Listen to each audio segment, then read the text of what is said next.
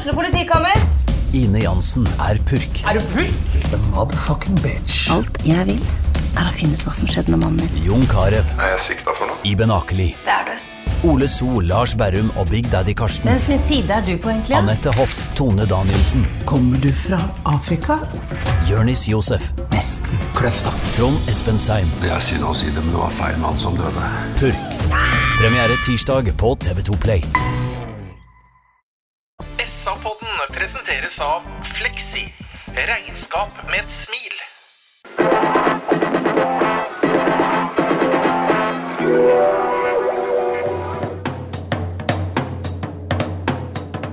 Sarpsborg Arbeiderblad gir deg en ny episode av SA-podden med Sven René Nygård, Øystein Weber, Petter Kalnes og Bjørn Inge Bingen Nilsen. Vi er på gang, vi er laddade, vi er tenda. Ingen er blid. Velkommen til uh, SA-podden. Du kan synge, du. Ja, ja, ja, ja. Kan bare den, så. Bjørn Inge Binge Nilsen er fornøyd. Sven René Nygaard er fornøyd. Ja, jeg er veldig fornøyd. Øystein Weber er fornøyd. Veldig, veldig Ja. fornøyd. Jeg heter Petter Kalnes og er kjempefornøyd fordi Sven René Nygaard I går så var uh, med 8 gode. 4-0 mot eh, Tromsø på stadion. Ja, det var en mektig gjennomført fotballkamp, og rett og slett så øh, Altså, det er et lag som ikke har tapt vare på ti kamper vi har regna hos det. Eh, åtte seier og to uavgjort. Kommer hit. De har slått eh, Bodø-Glimt på Alfheim, og det er eh, Ja, du tapte Jo, nei. Bodø-Glimt i Bodø, faktisk. Ja, det tror jeg det var. Hun tapte jo den ene kampen før eh, de hadde det der. Men eh, nei, altså det, det å kjøre rundt med et lag som drømmer om gull på den måten vi gjorde i går, med 4-0, det er en mektig prestasjon. Og så må jeg bare være tidlig ute og si det jeg har hatt lyst til å si siden i går, i hvert fall. At dere Bon Suba han var en artist. Bingen digga han. eh, Bingen syntes han gikk for, for få kroner.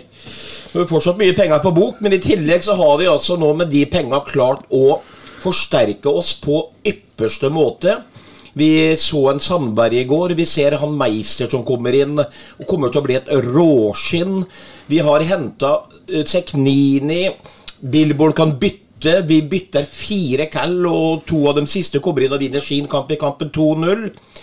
Nei, vet du hva? Det her eh, Jeg håper, og jeg savner for så vidt Bonsi Ba, jeg også, men det han har gitt klubben nå, med å bare være innom her og håper å si, gå på do tre ganger før han reiser videre nedover til Belgia, det, det har gitt Sarpsborg 08 en dimensjon. Og når sist under Thomas Berntsen sin tid, f.eks., når vi måtte forsterke eller hente spillere her Vi henta noen svensker som bodde borte på Quality og spilte en treningskamp og, og dro hjem igjen osv. De spillerne vi henter på den hylla vi henter nå, en Sandberg bl.a., en Seknini Det var ting vi kunne drømme om før. Vi, vi, har, klubben har blitt bedre, laget Alt har blitt bedre, og vi har fortsatt penger på bok. Så jeg, jeg måtte bare si det at jeg forstår Bonse-problemet, men samtidig Kjære alpakka, de er bedre nå uten Bonsiba. Bra. Der tok jo du det vi egentlig skulle snakke om. Ja, i, eh, Kan ikke du, ta, men, kan ikke du eh, bare ta målskårerne nå, så går vi hjem? Han, eh, Sven han har mye på hjertet, skjønner du. Og du sier at du har lyst til å si det her helt fra i går. Jeg er helt sikker på Du var jo en tur ute og drakk litt brus i går. Jeg er sikker på at du sa det tre-fire ganger i går kveld òg. Ja, men jeg fikk nesten ikke sove pga. det heller. Nei. Så jeg har gleda meg til å få, få det ut, fordi sånn er det bare. Bingen åpna med en sang. Jeg så når du sykla hjem etter kampen i går. I regnvær, uten regntøy selvfølgelig, Bingen. Men da var du lett eh, Da gikk det unna oppover ja. gaten der. Altså. Jeg rakk akkurat å komme ned under tak på stadion. Jeg var dyvåt når jeg kom ned, og tørke opp i, i, i varma ordentlig, så jeg tørka klærne med kroppsvarmen. Og så var det rett ut i regnværet igjen og trampe oppover i byen. Men du var blid, da. Jeg var blid, selvfølgelig var jeg blid, men jeg gikk rett i dusjen, og det var en eh, voldsom fin kamp å sykle hjem ifra i øs pøs regnvær. Det var eh, Bilborn fotball på sitt beste, Øystein. Ja, dette var eh, deilig. Nå bare fikk jeg lyst til å si at eh, vi vet sånn statistisk at det er eh, en fjerdedel som hører på poden som er kvinner. Tre fjerdedeler er menn. Den fjerdedelen som er kvinner, og nå hørte at det bingen gikk i dusjen De Ja, da blir det bilder. De, de fikk noen bilder nå. Men la nå den ligge, da. Nei, fotball er eh, makeløst, Peter Petter, og, og det gjør noe med sinnsstemningen. Og, og når, når tapte Tromsø 4-0. Og når tapte Odd på hjemmebane 3-0? Altså Vi har 7-0 og 6 poeng på de to siste kampene. Det er vel ikke noen annen definisjon på det enn helt oppsiktsvekkende sterkt. Nei. Hva var det som var så spesielt bra, sånn grove trekk, Sven? Nei, det, det jeg liker nå, som jeg også likte i forhold til Odd-kampen, og det, det nevnte jeg vel også før Odd-kampen på den siste poden der, at dette her, nå må det skje noe. Det, det, må, det, det må være, skje noe med den defensive strukturen. Fordi at sjanse skaper vi jo hver fotballkamp. Nå var vi litt mer effektive og har det. Men, men laga sliter mer med å komme til åpenbare målsjanser mot oss. Noe som har vært veldig enkelt i store perioder. Så der har vi jobba veldig godt på treningsfeltet, tydeligvis. Så det, det, det, gir en trygghet i hele laget, tror jeg, at du vet at dere Mister vi ballen nå, så er det ikke sånn at det er målet til det andre laget. Og så kommer en Haug inn nå. Vi skrøt av Sundling, vi skryter av Leander Øy. Men så kommer han inn med en autoritet i går. Han hadde ikke mye å gjøre, men det han gjorde, gjorde han veldig bra. Og det skaper også en god trygghet for de spillerne foran seg. Men så var vi presise i går. Vi, hadde, vi flytta bein. Eh, og så skårer vi noen kvalitetsmål som er helt nydelig å se på. Og i tillegg til det jeg sa i stad, det er fotballspillere som kommer inn og bidrar til de måla her, som vi har henta, som kommer inn som forsterkninger. Og det er det lenge siden vi har sett. Ja, og bare for å gi deg litt, eh, litt skryt, eh, Petter, så har du sjelden truffet bedre, syns jeg, da, enn din kommentar etter kampen i går, som går nettopp på det at vi har nå en bredde som gjør at det er faktisk mulig å tenke seg at du bytter deg opp i kvalitet. Mm. For det er så marginalt på en del plasser hva du velger, så det er den som kan ha dagen. Så det er ikke gitt at han som sitter på benken er noe svakere, snarere tvert imot.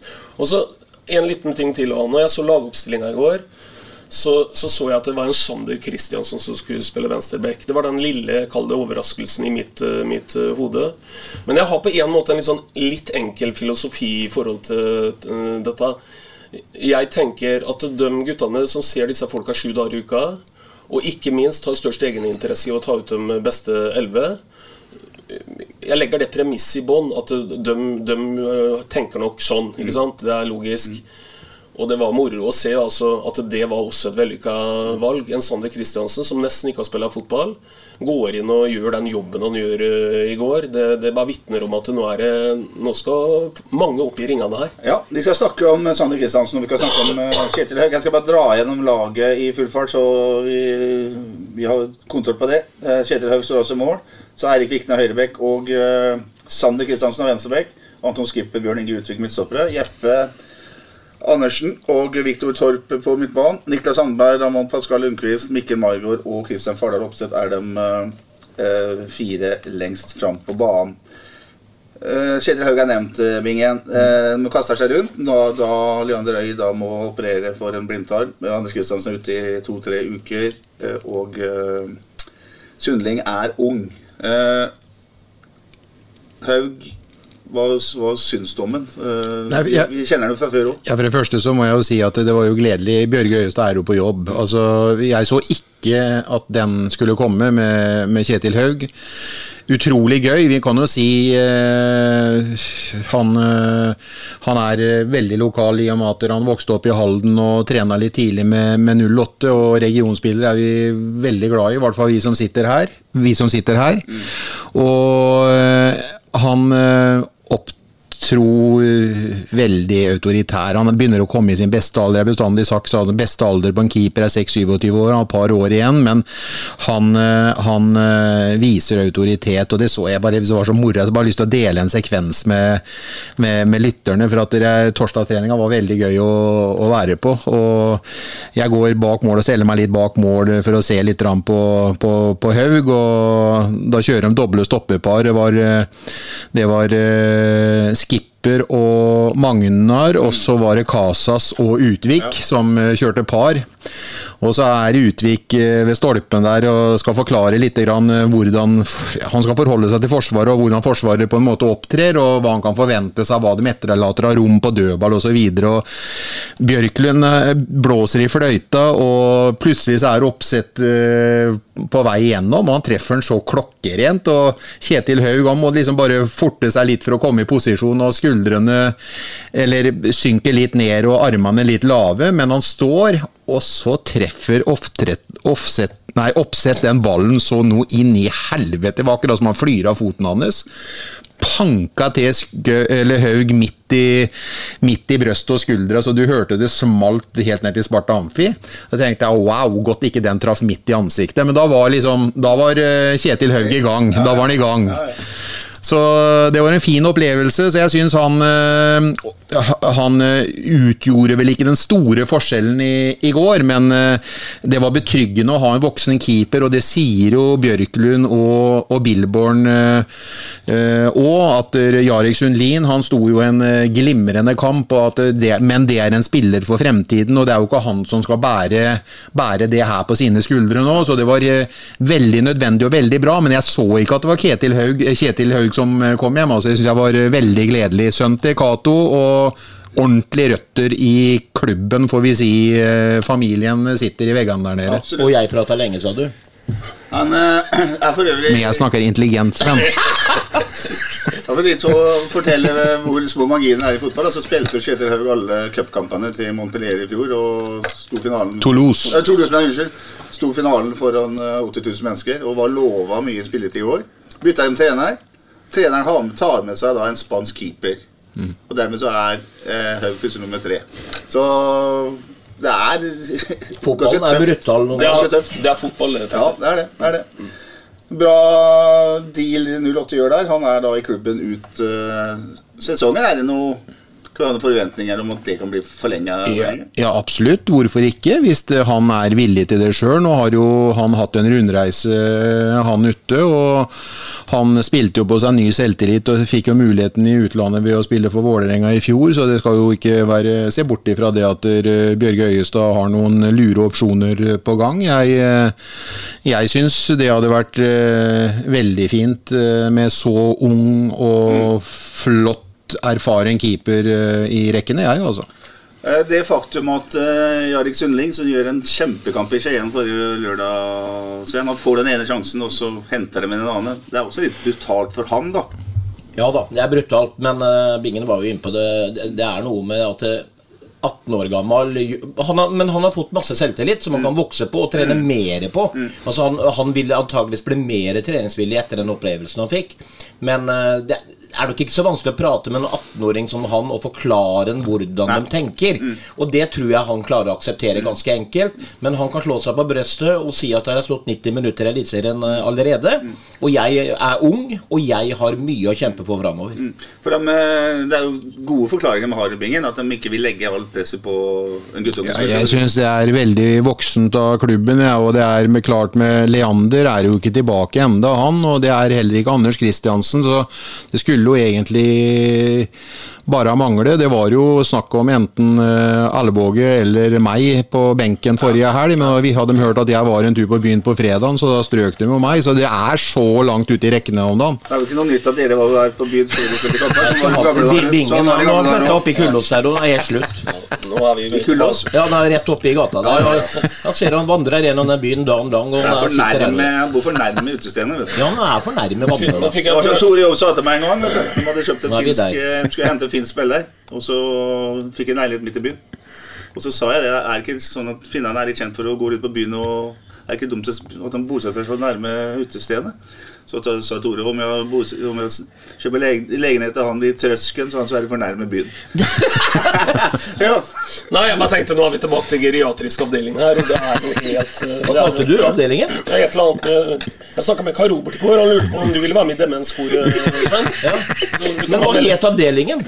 Geriatrisk. Geriat. Men det, poenget, Petter, det er eh, kommunikasjon, tenker jeg er stikkordet. Og det tror jeg de er veldig gode på. Og Vi snakka om hvordan de kommuniserer med at en Sundling står i en god kamp, og så ut. For Hvis jeg husker hvordan de kommuniserte da de løfta kalde ansvaret av skuldrene til Leander Øy, og Anders kom inn igjen, hadde jo ikke spilt seg ut av laget Leander heller, så var det en veldig ålreit kommunikasjon. De, de, de, de fikk dette på en måte å høres litt sånn ut som at eh, vi har sett deg, kamerat, og du får dine muligheter Ja, ja, ja. lenger fram. Og Det er stikkordet. Og er det noe jeg har tillit til at det regimet på stadion er gode på om dagen, så er det akkurat det vi snakker om her, å kommunisere. I eh, februar måned i Marbella så spilte Sarpsborg 8 mot uh, Jeonbuk, som er uh, som, som hadde spilt Champions League-finale, altså den asiatiske utgaven av Champions League, i uh, året før. Da spilte plutselig Sander Kristiansen venstreback, og var sensasjonelt god etter mine begrep, i hvert fall, for han visste ikke at han var venstreback. Og så går det da et halvt år, og så må spille venstreback igjen, Sven. Og så gjør han det på en måte som eh, for jeg syns var helt uh, suverent, og det sa jo også Billboard. Ja, ja, eh, og det jeg liker, men da, han har nok en del å gå på i det offensive spillet ved kombinasjonsspill og innlegg og alt dette her. Men når du ser på den defensive jobben han gjør, da Han er fysisk, han løper enormt mye, han har et bra steg, det smeller i dueller. Du ser liksom det oser litt sånn autoritet av han, og det er jo helt unaturlig, egentlig. Ettersom du sier nå at han har spilt én gang på et halvt år omtrent, liksom. Så det er, eh, det, det, han her eh, Han er en sånn en spiller som eh, man kan føle seg litt trygg på når han kommer inn. Eh, Han kommer til å løse de defensive oppgavene, som jeg sier, og det gjorde han jo til gangs i går. Ned og takler. Og han takler på en måte du, som jeg elsker, i hvert fall. Han hadde et par sklitaklinger hvor du feier ut ballen, og så samtidig så treffer du Cannon litt etterpå. Det blir ikke et frispark, men de vet at de, de kvier seg neste gang ja. når de ser og hører han komme. Nydelig. Det, nei, han gjorde en fantastisk bra jobb i går. Ung bergenser som reiste til Tyskland for å prøve lykken. Og fikk ikke noe stort gjennombrudd. Spilte junior- og rekruttfotball for bra lag der nede. Og så ble han henta til Sarpsborg i fjor, sommerbingen. Jeg syns han først og fremst er veldig klok. Fotballklok. Han løste oppgaven veldig bra i går. Han, eh, det er jo i kamp du får se det. Det er jo liksom trening, så lever jo det meste sitt liv. Men det er om å gjøre å vise seg fram der òg. Men kampen i går var helt udiskutabel, udiskutabel for hans vedkommende. Jeg syns han løste alle oppgaver defensivt og offensivt. Og så ja, Det er eh, veldig bra i forhold til både det offensive og defensive i spillet hans, syns jeg. Han, eh, han, han løser Han er med i angrep når han får muligheten til det, og han har motor nok til å komme tilbake igjen. Han har rimelig bra tempo på han i tillegg til, så jeg syns han eh, løste det som å være en høyrebent venstrebekk, så syns jeg han løste det veldig godt, og de defensive genene hans er nok eh, sterkere dem enn Soltvedt sine. Det kan jeg tørre å påstå nå etter en full kamp. Jeg så faktisk eh, nå kommer dere sikkert til å spille på når jeg sa full kamp. Jeg så faktisk den kampen mot Eonbukk eh, der nede òg. Ja, det var, det var bokstavelig talt en skikkelig full kamp på bingen. Men han husker jo ikke navnet på Hvis du skjønner, jeg, jeg, jeg, jeg, jeg så den Jeonbukk-kampen, og han spilte der nede, og det er veldig bra, men vi har jo ikke sett så mye han etter eh, den kampen mot Jeonbukk i Marbella. Jeg, så jo, jeg kommenterte det, så jeg så på sånn TV-tårn på motsatt side der tribunen var. Og når Bingen kom der, vet du, så jeg så nesten bare på Bingen. For han var, da var han litt da, da, da, jeg, da, da vinka han litt Ja, ja, ja. ja, ja, ja, ja. Da han er jo influenser, da. Ja, ja, han er det. Det du sier, Øystein? Nei, kongen og dronningens gate. Hver gang. Herlig. Jeg har lyst til å snakke om en eh, Jeg har lyst til å snakke om eh, flere, egentlig. Men, Han var god, da. Han var god. eh, Han var god. Uh, vi tulla litt før sending Øystein at det er mulig å bli forelska i nummer 23, Niklas Sandberg. Ja, vi, vi har et stikkord vi snakka nå om uh, Sander Kristiansen i forhold til motor. For en motor han er. Han er Niklas eh, Sandberg også. For en spiller er. Altså, og Bingen er jo ofte inne på å være i sin beste alder. Det er jo Niklas Sandberg, 28 år, rutinert, hel ved. Nei, han får vi mye glede av. Og jeg må bare si igjen, for vi kritiserer når vi skal kritisere, og så roser vi når vi roser. Her har eh, guttene på stadion vært på jobb i det siste. altså. Nå har Vi hatt, vi kommer litt tilbake til det, Petter. Et overgangsvinduet overgangsvindu. og Sven fikk jo av seg noen gamle lidelser i stad og fikk sagt litt om det. For eh, nå har vi fått inn folk fra en hylle vi aldri har henta fra. Og det er en nytelse å se en Niklas Sandberg. Sandberg. Ja, Sandberg, men, men, men Niklas Sandberg er jo en fotballspiller jeg har sett i mange år. Altså Alle norske fotballinteresserte har sett Sandberg i Haugesund, i Viking. Dette her han gjør nå, det har han gjort hele tida. Det er som Maigården og han kom. Poengspillere i Godset. Vi visste vi fikk poeng. Han har skaffa poeng i Haugesund og Viking. Vi visste vi fikk poeng, og du ser allerede åssen det ramser dem opp nå. Så det er, eh, det er, der er jeg helt enig med Veberg. Altså, dette her er eh, en fotballspiller som kommer til å prege det 08-laget i lang tid, og på en positiv måte. Så han har falt rett inn i systemet, og så er han som sier hel ved. Han løper mye, han er profesjonell, han ønsker å spille fotball, derfor kommer han til 08. Og nå spiller han fotball, og han blomstrer. Ja, helt, helt klart.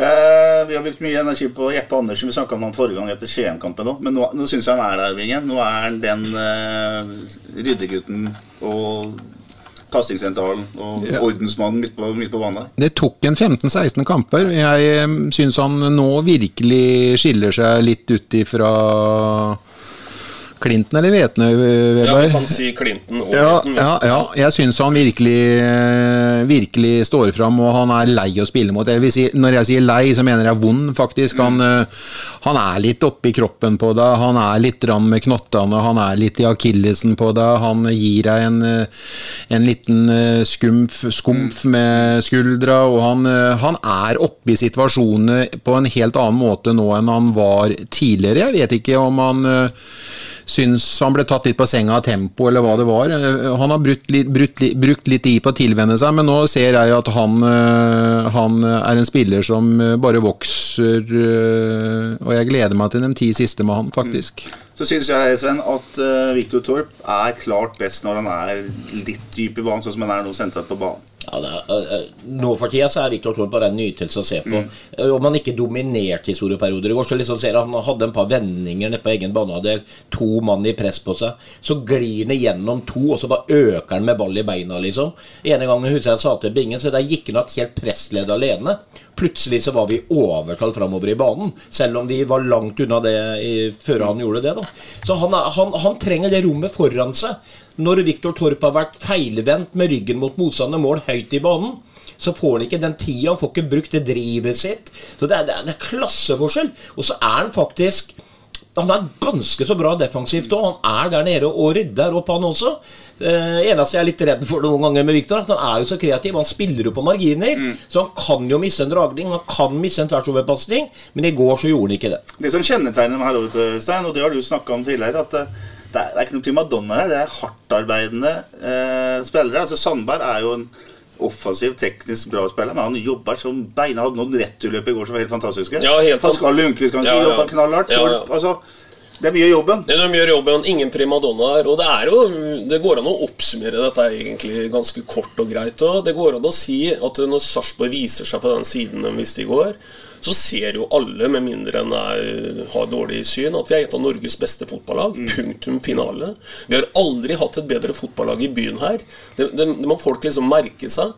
At nå når vi drar oss mot slutten av august 2023, så har vi altså aldri hatt et bedre fotballag i byen her. Vel å merke i den utgava vi, vi så i går. Det er helt råsterkt, det som blir levert i går. Og da har Og I hvert fall når det gjelder bredde i tillegg. Altså Vi har aldri verken hatt et så bra fotballag, en startelver, og vi har aldri hatt en så bra reservebenk i tillegg til startelveren.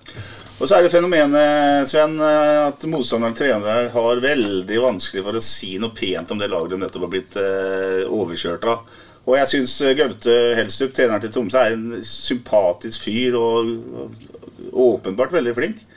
Men han klarte ikke å si noe pent om Sarpsborg 8 i går. Nei, og det er, eh, For meg så er det latterlig. det er sånne, sånne små, enkle ting som gjør at der fotballsupportere i det ganske land kan mislike trenere noen ganger. ikke sant?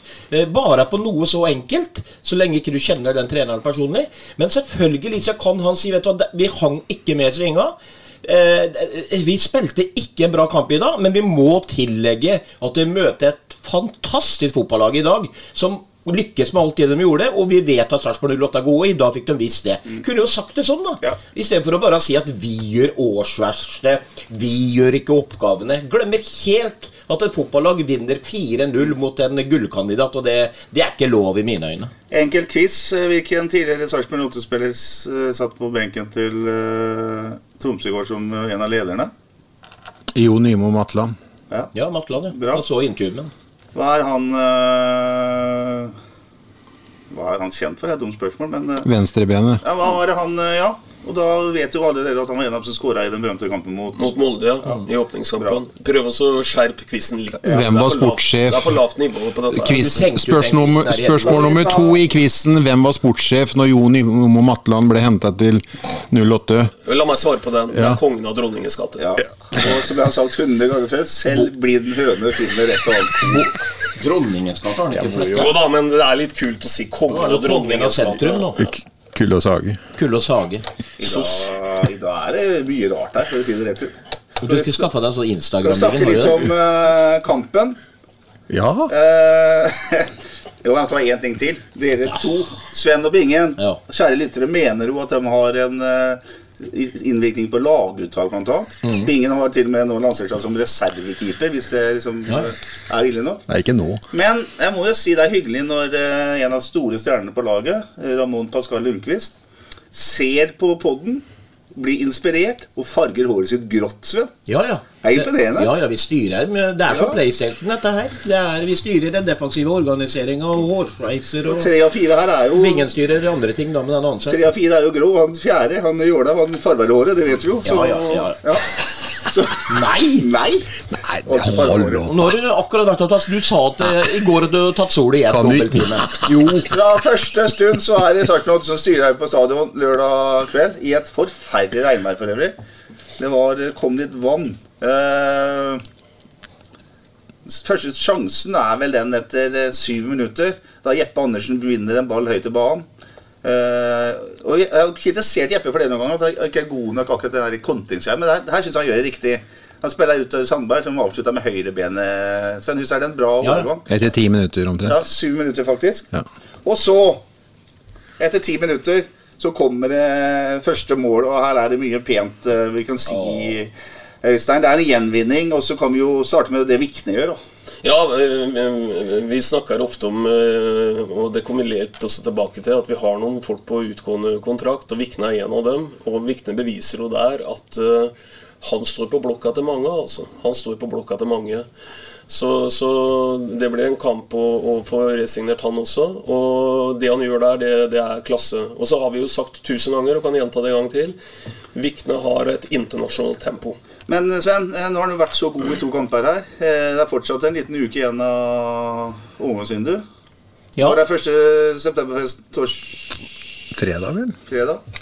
Fredag, samme- jo, det er fredag. Ja, det er litt av en uke igjen. Er det fare for at han forsvinner? Ja, altså, Hvis han er så het som mange har snakka om, og det var eh, noen speidere eller agenter på, på tribunen i går f.eks., så ble de i hvert fall ikke noe mindre interessert. Og er det prekært eh, at man ønsker å, å ha Vikne, så kan det fort komme en eh, kjapp handel.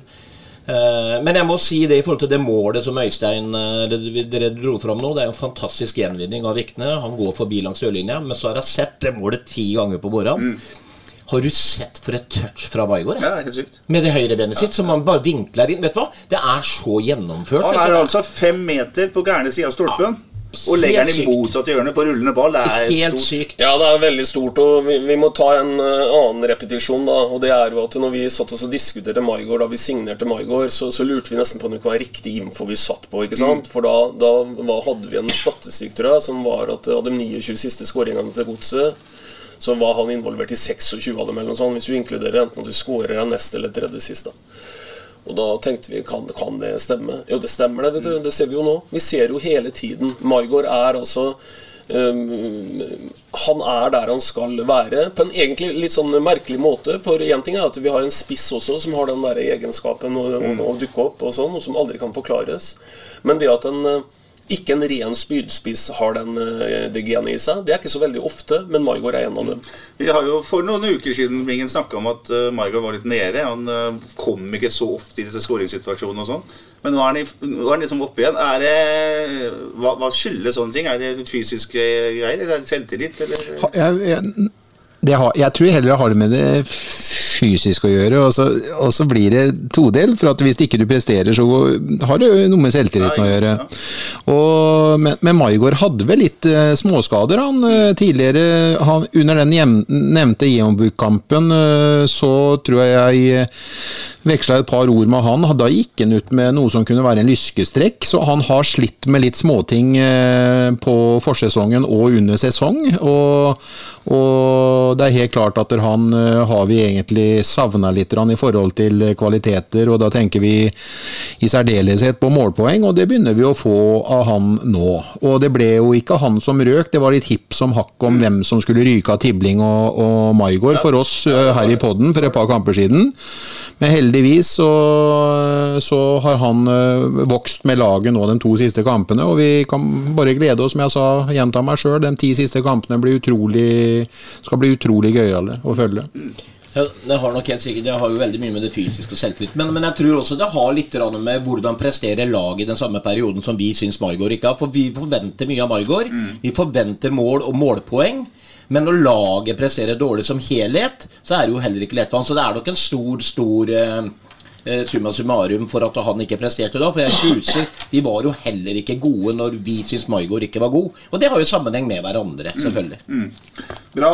En eh, flott avslutning av Mikkel Margaard. Det er et touch, som du sier, Sven, som er helt, eh, helt overlegent. Eh, etter 13 minutter så noterte jeg at det er eh, første ordentlige overgang som, som Tromsø får etter en, en, en feilpasning lenger frem i banen. Men da tar altså Sandberg et løp på 50 meter, og han gjør nok til at han får redda til corner. Et eh, eh, voldsomt eh, returløp, og det er et sånn signalløp som det heter, som sprer energi i, i laget. Sanne Kristiansen har en volleysjanse etter 20 minutter husker han, på bakre stolpe der. Ja. Treffer han den, vet du, så ja, Han går nok et stykke utafor, men han Ja, får en bra treff på den. Ja, han gjør det. Han, øh, og så har jeg også notert meg at det noe som gleda meg i går, var at øh, de tok en del overganger. Altså, De tok dem ordentlig helhjertet. Ja, vi har jo kritisert dem litt, Sven, for at de ikke øh, på en måte tar den muligheten som byr seg da, når mot- motstanderne mister laget- nei, mister ballen. Ja, men det har liksom litt med at når du er i ordentlig balanse vet du, med hele laget ditt, så har du liksom litt andre muligheter til å gjøre sånn òg. Tromsø hadde jo noen perioder hvor de eh, hvor de eh, også sto litt høyt i banen og hadde ball, da. Og, og lot dem få trille. Men som eh, Billborn sa i går, men det skjedde jo ingenting når de gjorde det. Så det var liksom ikke noe skummelt. Og Tromsø er jo et lag som har sluppet inn svært få mål da, eh, på, over mange kamper. Veldig, og det, det, det er klart De prater også om det i garderoben, at det, Molde er defensivt veldig solide. Har vi muligheten til å ta dem på de overgangene når de er høyt i banen, så må vi prøve på det i tillegg. Så nei, det var taktisk bra alt i går. og det er ikke noe mer å si om det. Tromsø hadde altså sluppet 15 mål de, på de 18 første kampene mm. før de kom til Sarpsborg i går. Ja.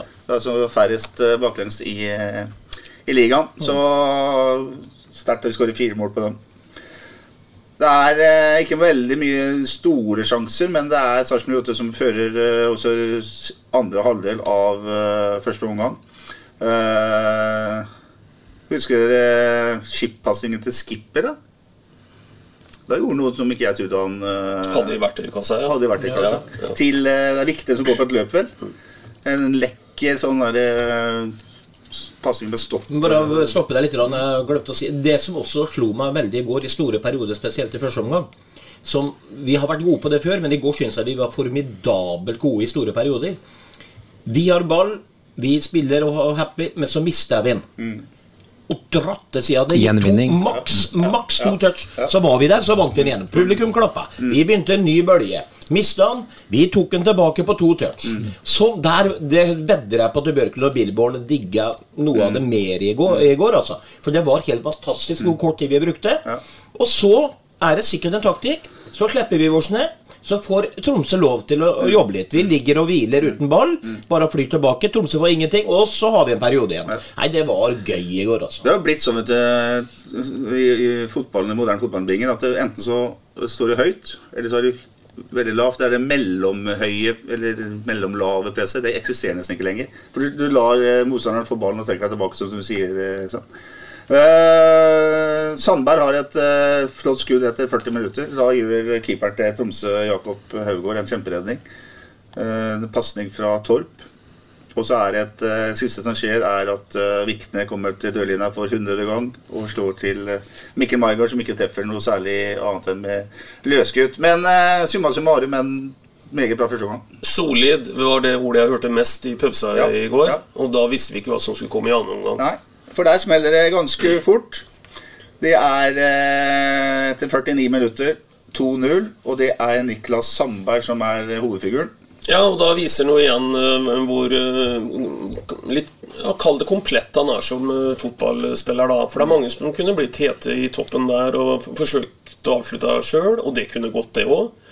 Men, men måten han i kampens hete der løfter blikket og gjør det han gjør, det vitner også om at han har det meste, den gutten der. Han stjeler ballen fra stopperen Kristoffer Psyké, tror jeg han heter, eh, Sven. En av tre eh, midtstoppere til eh, Tromsø, som spilte jo en 3-5-2 Kan ikke Veberg fortelle analysen til Var det Nordlys? Nordlys, ja. Jo, jo, men den var jo snert i, Petter. Og, og vi snakker jo fotball, og det er jo spill og motspill. Så når vi er eh, glad, så er det nok noen andre som er mindre glad.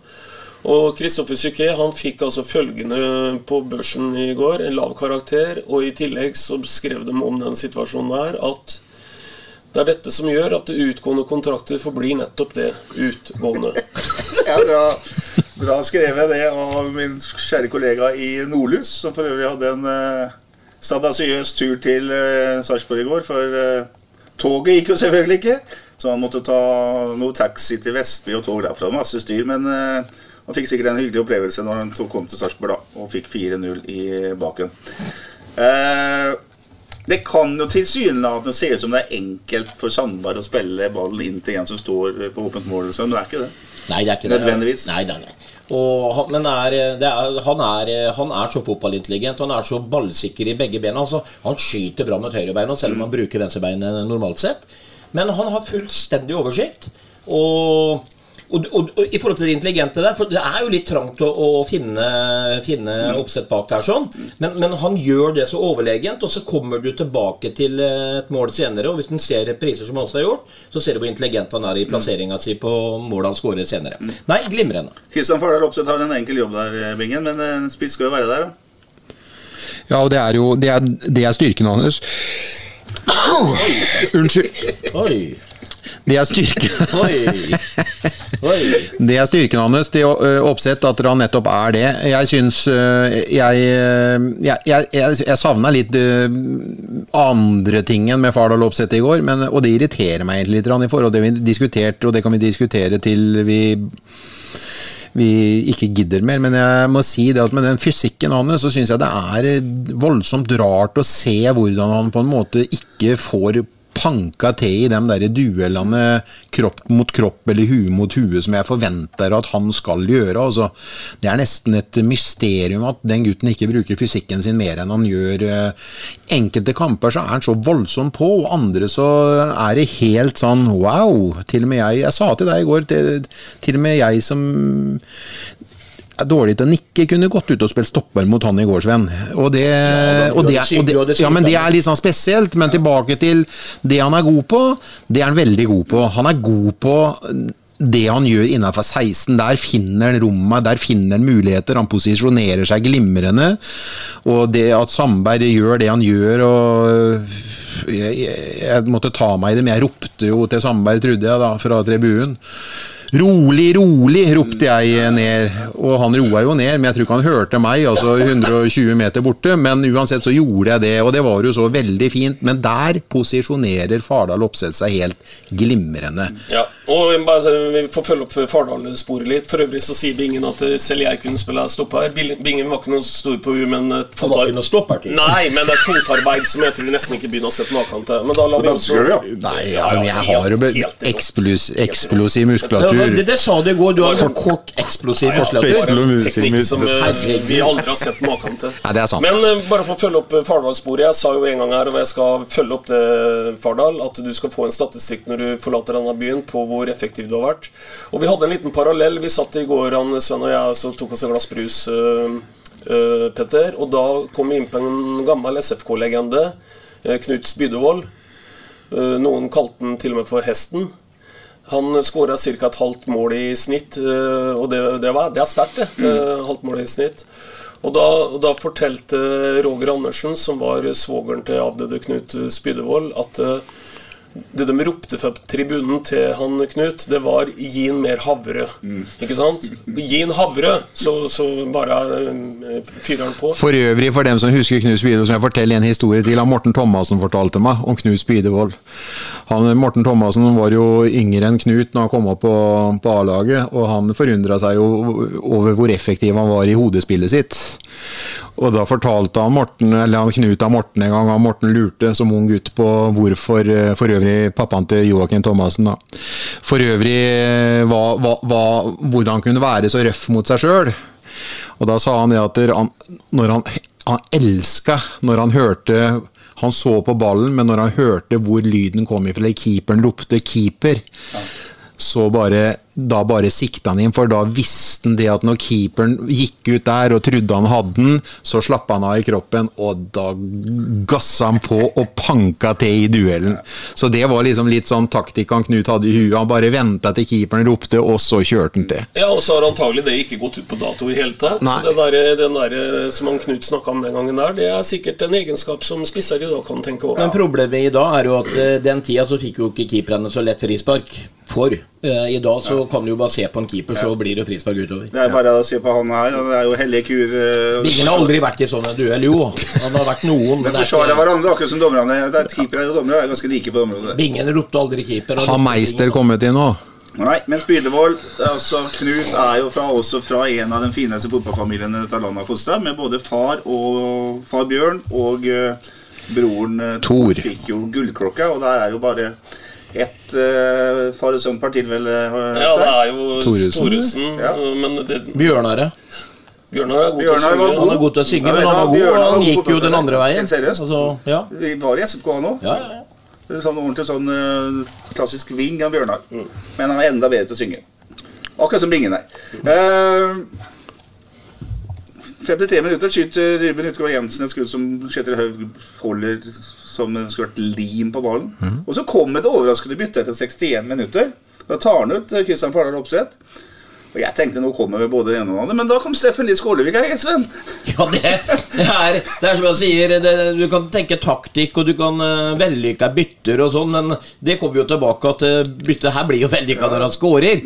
Men det var jo jeg må jo si det at vi kommer jo tilbake til denne han derre sønnen til Line Meister. Eh, eh, hva vi fikk se av han i går, så var var det fortsatt litt rart ikke han kommer inn først, da. Ja. For det der, der jeg Vi trodde jo det. ja, men, men jeg husker de sa det når han kom til klubben, øh, Øyestad og sånn, at øh, det er et råmateriale, og det så vi i går.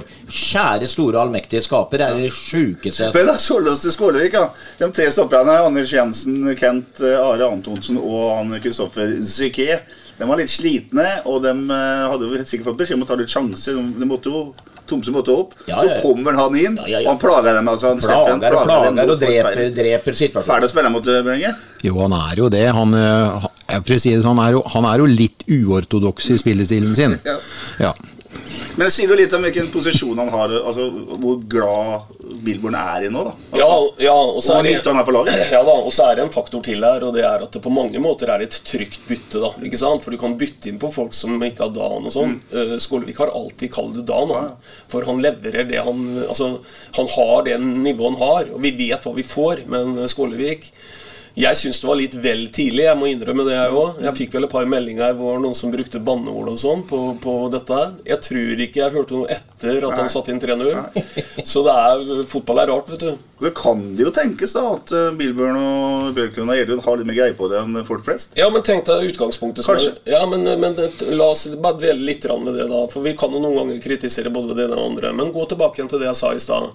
Det er noen som har størst særinteresse i hele verden og tar ut det beste elveren til Sarpsborg, og det er de som sitter i trenerteamet. De lever med disse resultatene. Vi kan jo bare sitte her og, og, og mene og jangle og sånn, og så overlever vi uansett. Samtidig så ser de guttene gjennom hele uka. Alle detaljer, alle mulige formoppturer og kanskje nedturer.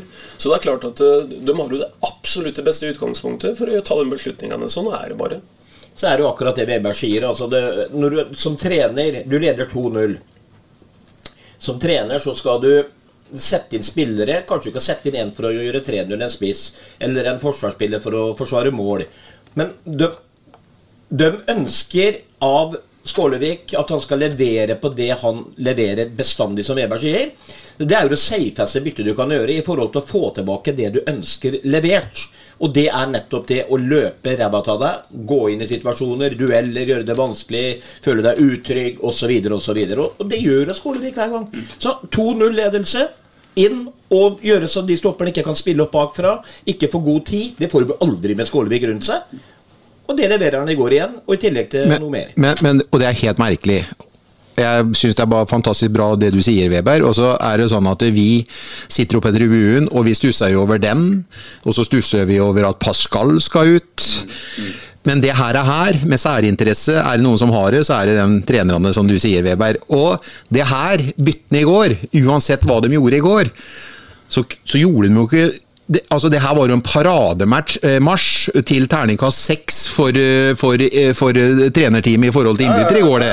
For, for at det, alt, alt det vi gjorde, lyktes jo. Det tar ni minutter etter at Steffen i Skålevik har kommet på banen, så tar han et dobbeltbytte. Da er det Viktor Torp og eh, Pascal Lundqvist, to av de klart beste spillerne på laget i går, blir tatt av. Inn med da Henrik Meinster og uh, junior. Uh, vi kan snakke mye om uh, Meister, men vi kan snakke, si litt om junior. Hvordan, Ja, men jeg bare begynner med, med, Begynn med junior, ja. Begynn med junior, da. Nei, men jeg skal bare ta Ja, jeg er programleder, Ja, men du er programleder, men nå, nå hadde jeg et poeng jeg skal ta. Én ting medførte kampen i går som ikke kommer til å skje noe mer. For hvis vi går to kamper tilbake, tror jeg det er, så varmer Henrik Meister opp i 90 minutter pluss og kommer ikke inn i en kamp vi ligger under 1-2. Det kommer aldri mer til å skje på Sarpsborg stadion. For det han viste i går, det er ikke nødvendigvis at han skal levere det greiene der, men en kall som ingen vil møte i en mørk bakgate i Sarpsborg på helga. Han hiver du inn når du, når du har behov for en scoring.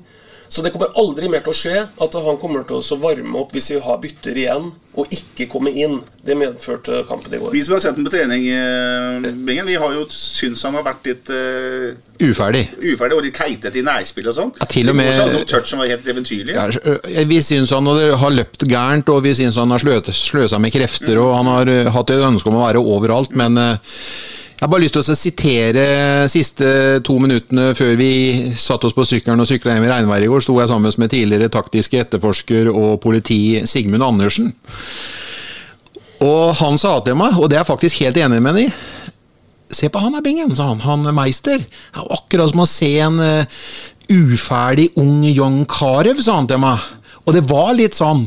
Et råmateriale av en muskulatur. Og eh, teknisk uferdig og taktisk eh, uskolert, men i går så klaffa det tekniske og det taktiske og fysikk og alt på en gang. Det vi så på Sarpsborg stadion i går, er egentlig bare til å så Wow, hva skjedde nå, liksom? Det her har vi eh, Det her har vi nesten ikke sett siden Berntsen henta han fra Vålerenga, han eh, første store Aron Samuel, som, eh, som jula litt spillere ute på banen. Det her var faktisk veldig Det her var veldig gøy. Vi kan se et gjennombrudd til en kommende storspiller. Liksom. Ja, eh, jeg, jeg ble helt satt ut av den fysikken og det steget hvor han to ganger på rad da skaper eh, Han skaper jo mål da, eh, på den ene hvor Skålevik skårer på. Men hvordan han stjeler ballen, hvordan han Det gjorde han i to, og så øker han med ballen. Men det som var det feteste med kjellemannen der i går, eller guttungen, da det var den ene situasjonen hvor han vinner Jeg lurer på om det var det målet til Skålevik, for han holder jo på å skåre sjøl. Hadde Ja. innlegget vært litt lavere, så er det jo han som setter den. ja, ja. Men erobringa av ballen ruller ut til venstre. Og han hadde, han hadde slått Karsten Warholm på vei inn i feltet. Han var så panisk at han skal i boks! Og det er det jeg snakka om. Sånn som gods og sånn. Få den mannen og så si 'vær i boks og jag'. Han, han var så keen på å komme inn i boksen. Nei, vet du hva? Det, vet du hva? Det, det må jo bli noe ekstremt spennende ut av den mannen der. Eller guttungen. Ja, veldig veldig spennende. Og, og, og han er ung, ikke sant? Han kunne vært barnebarnet til, til Sven og Bingen. Og, og det er, det er Jeg la merke til akkurat det som Sven sier. Måten han kjempeaggressivt har bestemt seg for, etter at han har levert den ballen på sida Jeg skal være i enden av dette innlegget. Nå ble det ikke helt det der, men det er bare tilfeldigheter. Nei, dette var, dette var et råmateriale, og jeg syns som eh, Bingen sier, eh, som han Sigmund sa til Bingen Jeg syns ikke eh, sammenligninga med John Carew var dårlig i det hele tatt. Det er, det er en eh, god sammenligning, faktisk. Får han får bedre skatterådgiver da, enn det Eller økonomiske Det får vi satse på. Ja, men det får det. Dessuten har Carew spilt i hvilken film? Eh, Olsemannen. Bra. Bra. Det er mye quiz her under her Ja, ja.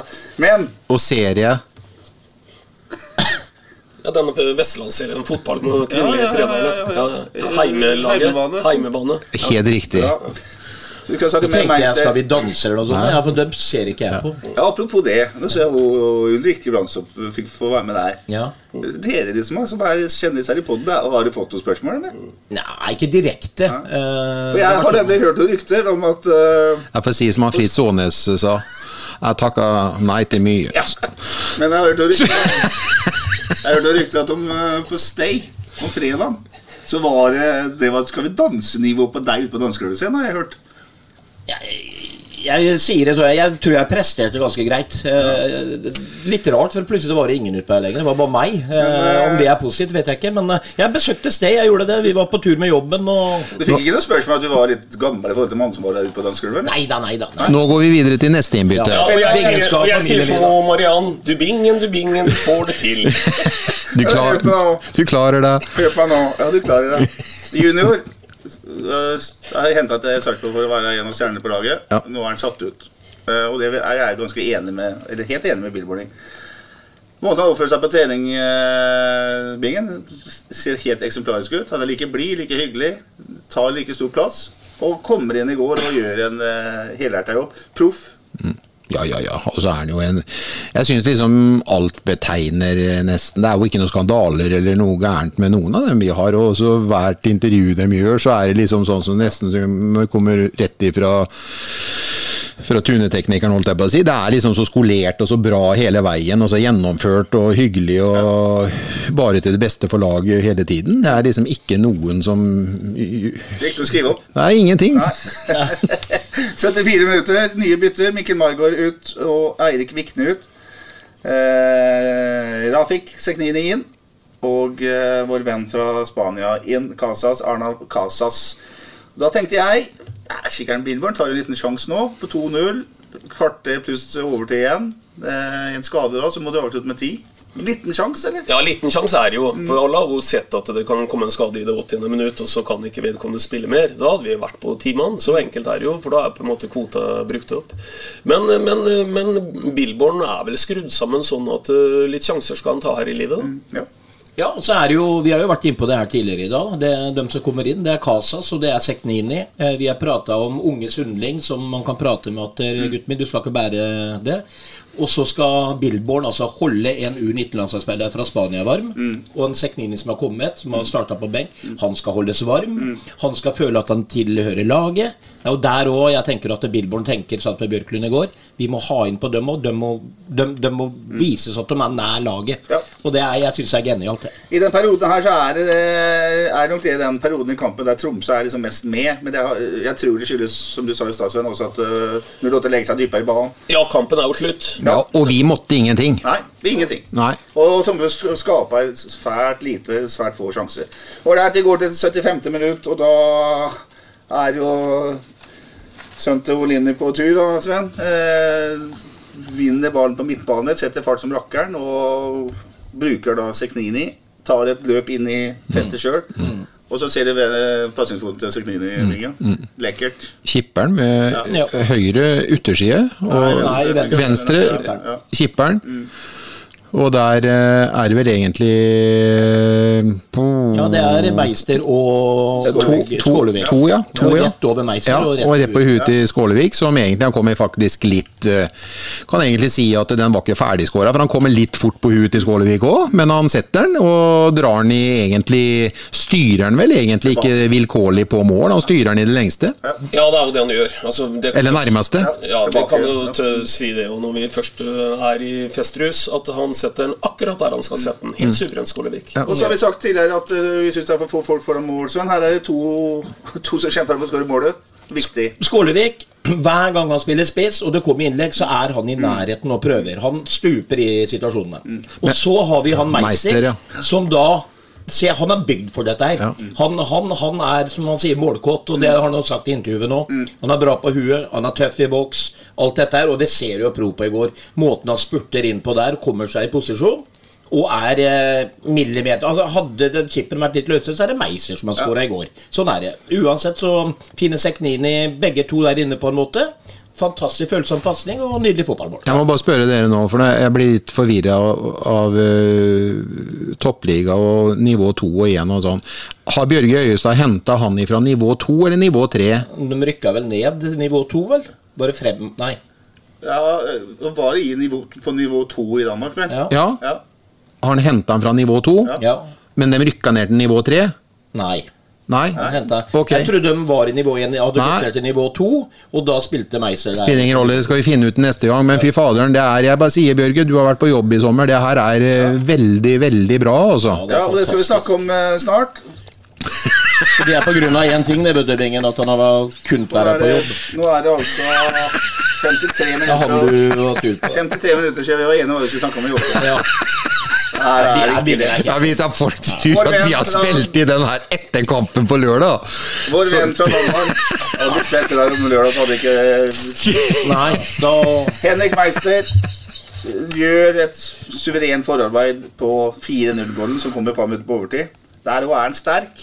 Og der har han også spilleforståelse, Øystein. Ja, og han er jo ikke minst, som du sier, sterk. Det er jo ordet. Det er jo sjelden å se en 19-åring som har de fysiske forutsetningene som han har. Så, så jeg bare må si jeg gleder meg til Og det er en ytterskipasning og 45 grader. Det går aldri av Motensland. Nei. Og der, jeg var jo inne på situasjonen i har Vi snakka Ja. om en intelligent Sandberg.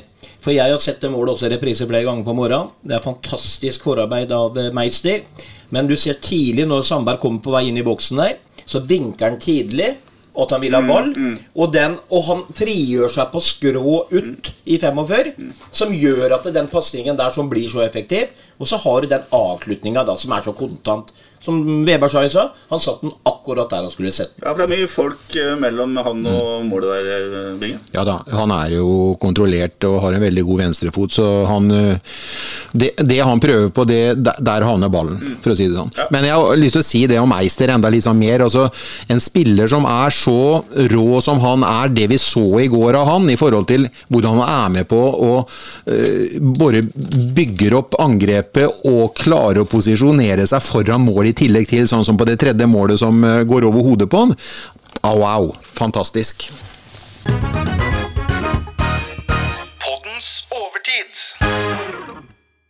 Den siste uka har det skjedd uh, mye i Sarpsborg 8 med spillere inn og ut. Vi vet at uh, Anders Schiem har kommet fra Sandnes Ulf, og så har vi allerede snakka om at Kjetil Haug har kommet hjem fra Frankrike for å spille i 08 ut sesongen.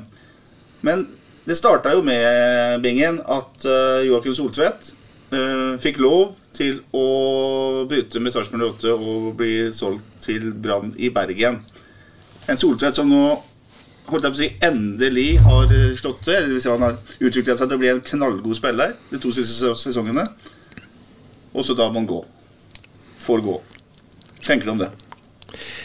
Jeg tenker at ikke vi nødvendigvis mer må gjøre det her, her sånn. Altså, eh, vi kan ikke være den klubben hele tiden eh, som du kan komme til og skrive under langtidskontrakter. Og hele tiden så skal du ha da som spiller det ønsket som vi som klubb, som den snille klubben, må, må ettergi. Og jeg føler at vi på en måte blir litt sånn fordumma snille i forhold til at vi tar hensyn til det menneskelige bestandig. Eh, Nå syns ikke jeg personlig at det her er det verste eh, tilfellet.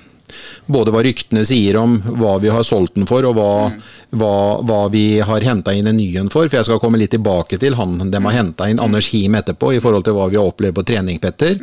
Men jeg syns nå at vi kunne gjerne, for, for min del nå, så skulle vi gjerne ha signert alle som er på utgående, og det er ikke mer enn ti kamper igjen av sesongen. Og vi vet og vi føler nå at vi er høyt oppe etter de to flotte seirene vi har hatt, og vi kan glede oss til ti kamper til og 30 poeng å spille om. Og vi har så mange gode spillere og så mye på gang nå i forhold til eh, spillerstallen. Og jeg syns, og jeg, jeg kan ikke få gjenta det her nok om eh, Bjørge, Bjørge Øyestad og gjengen nå. Så Jeg syns de har vært voldsomt gode og kjempeflinke i forhold til å få tak i spillere som har gått inn og gjort en så fantastisk god jobb, og som kommer til å utgjøre en forskjell for oss nå fremover. Derfor er det viktig nå at vi klarer å bla opp, for at det syns jeg både fansen og byen og supportere og sponsorer fortjener, at vi klarer å bla opp de pengene som skal til for f.eks. å beholde både Utvik, som har vært en føljetong, som snart kanskje føljetongen går utfor, og Eirik Vikne. Ja, nå skal vi ta, vi skal ta forskjellige case etter hvert, men vi holder oss til sol, Solseth-caset. Og det vi snakker om, eh, Øystein, at hans ønske er å gå hjem til eh, Bergen, og klubben sier ja til det. Er det noe vits å ha en eh, spiller i klubben som ikke vil være her? Da? Nei, altså det er ikke noe helt svart-hvitt det her heller. Da. Bingen har noen poenger her. Han har jo innimellom det. Og, og det kan også være at dette her er en veldig god deal. Eh, alt tyder på at dealen er kjempegod. Eh, det, det kan tyde på at han vi har fått inn, som Bingen kaller Graham Lasaw, etter å ha sett den en gang på trening, eh, kommer inn for halve prisen av en Soltvedt. De forynger troppen. De bytter ut en, en 28-åring med en 21-åring. Eh, Og får kanskje en som er eh, sterkere defensivt. Det høres jo ut som et kinderegg, det i utgangspunktet. Men Bingen har jo et poeng i forhold til at det er jo ikke noe søndagsskole vi, vi heller driver. Så, så, så vi må også operere med den kynismen som, som kreves. Men akkurat i det caset her med Soltvedt, så og så vet jo ikke vi så veldig mye mer enn det vi på en måte leser gjennom eh, med media og hører i andre kanaler. Men eh, dette var, tror jeg, egentlig en, en grei deal. Og for å ta også spørsmålet ditt Det er et poeng det der med at eh, hvis ønsket er veldig sterkt fra den ene parten om å få reise, så er det ikke sikkert at, eh, at eh, vi sitter igjen med det samme produktet hvis vi hadde nekta den handelen å på en måte gå gjennom. Så vi skal også dvele litt ved det. Og så vil jeg bare si én ting til òg. Og det oppsummerer litt alt vi snakker om her. Det er litt det samme som med eh, trenerfilosofi i forhold til uttak av lag osv. Jeg er veldig enkelt skrudd sammen sånn. De som sitter på stadion og prøver å drive den butikken her så godt de kan, de gjør det etter beste evne, og er de som antagelig er best skikka til å gjøre det. Eh, Vi kan mene mye rundt det osv., men de står midt i dette her og, og gjør alle typer type vurderinger rundt det. Timing, penger, alt. Jeg tror at eh, de har som intensjon også gjøre det beste for uh, Sarpsborg. Og akkurat når det gjelder dealen med Soltvedt, så syns jeg det ser ganske fornuftig ut. Men Sven, eh, det, vi kan merke tydelig når det Soltvedt-caset kom opp på sosiale medier blant fansen, da, så var det en sånn oppgitthet. At nå gjør vi det igjen, liksom. Gjør- nå gjør vi det Bingen sier igjen. At får opp en spiller, han utvikler seg, og så vil han ikke være lenger, og så blir han solgt. Er, ikke, er det ikke litt sånn som Bingen sier, at det er litt sånn farlig balansegang her? Altså drive butikk, eh, selge, kjøpe. Men at fansen vil ha litt mer kontinuitet. De vil ha noen spillere De vil ha den de blir glad i. De vil ha dem her lenger. Ja, da, og, og jeg forstår det veldig godt. Det er mange sånne case eh, Vi kommer jo tilbake til det. Jeg åpna jo med han eh, Bonsi Ba her. Eh, og det hagla på Bingen fyra jo opp litt der, han òg, da. Så han var litt skyld i det på en måte, i forhold til at det var helt gærent og det var for billig og alt dette her. Men nå er det ingen lenger som snakker om det. Jeg sa aldri at det var for billig, for jeg syns pengene var, jeg synes det var for tidlig. Ja. Men det er ingen som snakker om det lenger, Bingen, for nå er alle fornøyd med den spilleren som blir erstatta rundt dette her. Men vi lever i nuet, Ja, vi er supportere, og det er vet du. fotball er ferskvare hele tiden. Men jeg, jeg Øystein har sagt mange ganger når jeg har prata med Øystein i forhold til dette her Det her gjelder Jeg tenker litt rundt Soltvedt òg, jeg. Eh, det er en grunn til at vi får de her afrikanske spillerne, f.eks. Den måten eller 08 nå opptrer på overfor Soltvedt, men de vet vet du, at dette her, sluttproduktet her kommer til å være lønnsomt for oss. Gjør det jo kanskje litt enklere hvis vi har lyst på en spiller framover. Vi lager oss et godt rykte. Det er lettere å få tak i folk også, kanskje, på sikt. I forhold til at klubben opptrer som de gjør i sånne saker som det her òg, da. Men jeg forstår supporterne. Men jeg forstår klubben, og jeg tror også at der, ja, jeg kan være så ærlig og si alle de målpengene til Soltvedt, vi har Hylland. Vi har også sittet her og ledd av tempo, osv., osv. Og vi kan sikkert finne ut av hvor mange mål det ha vært skyld i defensivt. Ikke sikkert dette her blir noe dumt bytte engang. I tillegg så må vi ha penger på bok etter dette her. Så jeg tror klubben vet hva de holder på med. Du, nå, vi snakker om prinsippet nå, Sven. Vi snakker ikke om Nei, ja, og prinsippet sa jeg litt om. Ja. Det, det, det gjør at man ser det menneskelige noen ganger her. sånn. Det kan også være til fordel for 08 ved en senere anledning. Og vi har vært flinke der opp gjennom åra. du, du snakker jo nå om litt sånn snillisme, du. At Ja, jeg gjør det. Jeg gjør, jeg, Sånn, jeg gjør det. Nå, nå, nå øh, blåser jeg om uh, målpoenga til Soltvedt, eller vi, om vi har sittet her og ledd av svake tempoene hans. Jeg, jeg mener om prinsippet heretter Det er kjøp og salg, ja, men det kom jo helt ut av det blå for oss. Uh, Det skjedde, det var vel allerede søndag kveld eller mandag morgen i, i, i sist uke. Så det kommer jo helt ut av det blå. Vi blir jo voldsomt tatt på senga. Men eh, nå kontrer de jo voldsomt med, med Anders Him, for å si det sånn. Men jeg snakka i stad om snillismen. altså Det må ikke være sånn at den klubben her sånn, vi, vi går til 08 hvis vi liksom føler at vi ikke er eh, helt der vi ønsker om dagen. Så tar vi et steg ned om 08 et par år eller et år, og så skriver vi en treårskontrakt, og så får jeg bra lønn, da, vet du. Og så tar jeg Når jeg Ja, får en Når, når jeg spiller meg, når jeg spiller meg i form igjen da, og det laget der er på glid, og vi får litt sånn positivitet i byen, så tar jeg bare og stikker, da, vet du. For at du, den klubben, den selger meg likevel, den, vet du. Følger du det der, Øystein? Nei, ikke helt, da. For, eh, for eh, det, det er plusser og minuser her. Og det, det Bingen hoppa litt elegant over. Og sånn kan vi jo sitte og argumentere, og så blir det en slags sånn sirkelargumentasjon. Da. Vi møtes jo liksom sånn. Det går i en runde, det her. Det er jo akkurat den der varianten med at uh, vi skal ikke undervurdere det faktumet at vi har blitt en klubb som også kan få noe andre veien, basert på det bingen i enden kan, kan kalle Snillisme. snillisme. da. Ja. Så, så det ligger noe i potten den andre veien òg. Men nå skal jeg bare dra på en annen ting, for det, det hører litt uh, sammen med det vi sitter og diskuterer nå. Og det er ganske alvorlig når vi er inne på overgangsvinduet. Hvis vi tenker den elveren som starta i går, så er det fem utespillere som er på utgående kontrakt. Det er Vikne, og vi snakker ikke om hvilke som er spillere nå. Vi snakker om Utvik, vi snakker om Vikne, vi snakker om Pascal, vi snakker om Maigård, og vi snakker faktisk om en til. Hvem er det? Fardal Opseth. Ikke sant? Han Ja, fikk en ja, ettåring. ja, Ja. Det er fem i førsteelveren i går som, som eh, ikke eh, er resignert.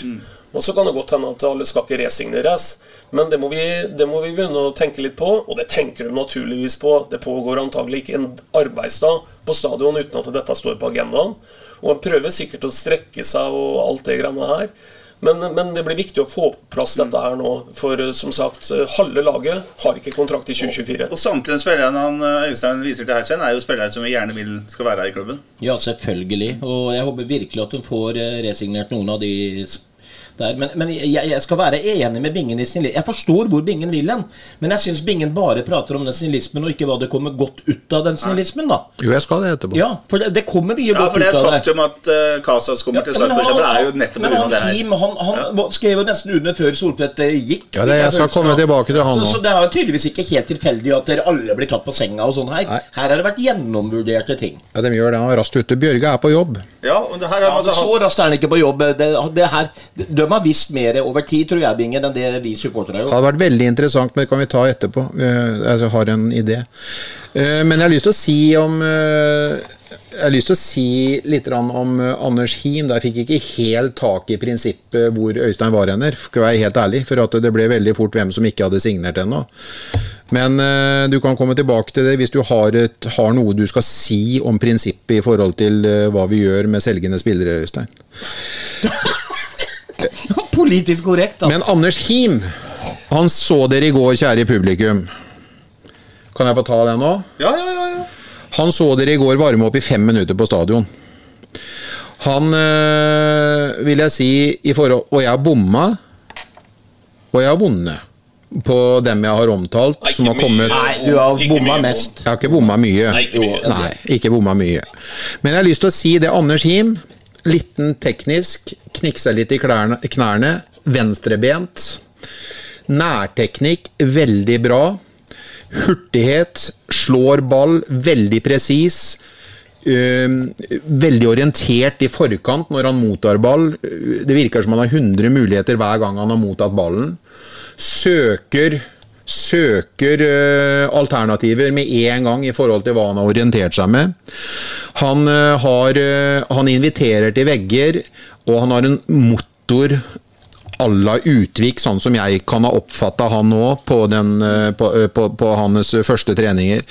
Han har en eh, veldig fin balanse i forhold til det offensive og defensive, og jeg vil si, hvis vi har omtalt Utvik som en eh, Nei, eh, Sol, nei han eh, Tvillingen, trillingen. Vikne. Vikne som en moderne bekk. Så er, er Anders Him en veldig moderne bekk. Vi bra, har sett Sander Christensen som kan gå inn og gjøre en veldig god jobb nå. Eh, og vi så vel ikke helt den prestasjonen hans eh, komme, hvor god han egentlig var i går. Men Anders Him han er henta for å erstatte Soltvedt. Og hvis vi skal, eh, hvis vi skal eh, måle epler og epler her, så vil jeg si at det er et eh, steg opp i, hvor, i forhold til hva jeg har sett på YouTube, og hvordan jeg har opplevd han på trening nå første uka. Ja, nå er du veldig forutsigbar og, og fin igjen, Bingen. For nå sier du at vi har gjort en dårlig deal og en jævlig bra deal i den samme dealen. Så det er jo helt, eh, helt suverent. Men, men prinsippet, Forhold deg til prinsippet. Ja, jeg forholder meg til ja, ja, prinsippet. Nå går vi inn i dette og diskuterer, og så sier du i stabingen vi, vi blir tatt litt på senga her. Vi blir, vi blir kanskje tatt på senga, du og jeg, men dem som ikke blir tatt på senga, det er jo Sarpsborg 08. Ja, jeg jo! Ja, Voldsomt bra! åpenbart Kjempebra! En skyggeliste, dem, Petter, når det gjelder en sånn greie.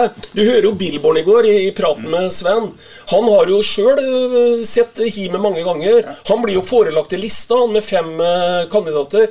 Han skal Ja, det er jeg ha. Historia som går nå, er at uh, Bjørge Øystad kommer til Billborn med en uh, liste over kandidater, og Billborn sier 'jeg skal ha han', og får han. Ja, og da er prinsippet, vet du, Bingen, at hvis du kan selge nå, nå, nå går vi bare på litt sånn ryktebørs, da. Hvis du kan selge for 6 millioner, en på 28 år, kjøpe en som du nå satt og beskrev ikke sant? Jeg hørte på beskrivelsen din. For halve summen. setter tre millioner i banken, og vi har blitt sterkere som kollektiv. Det er vanskelig å kritisere det. Det blir ikke snillisme lenger. Det er, da er de lure, da, tenker jeg. Nei, gutter, jeg, jeg syns dere ikke prater riktig jeg nå, for at jeg òg er jo enig i at vi men du- bytter oss opp nå.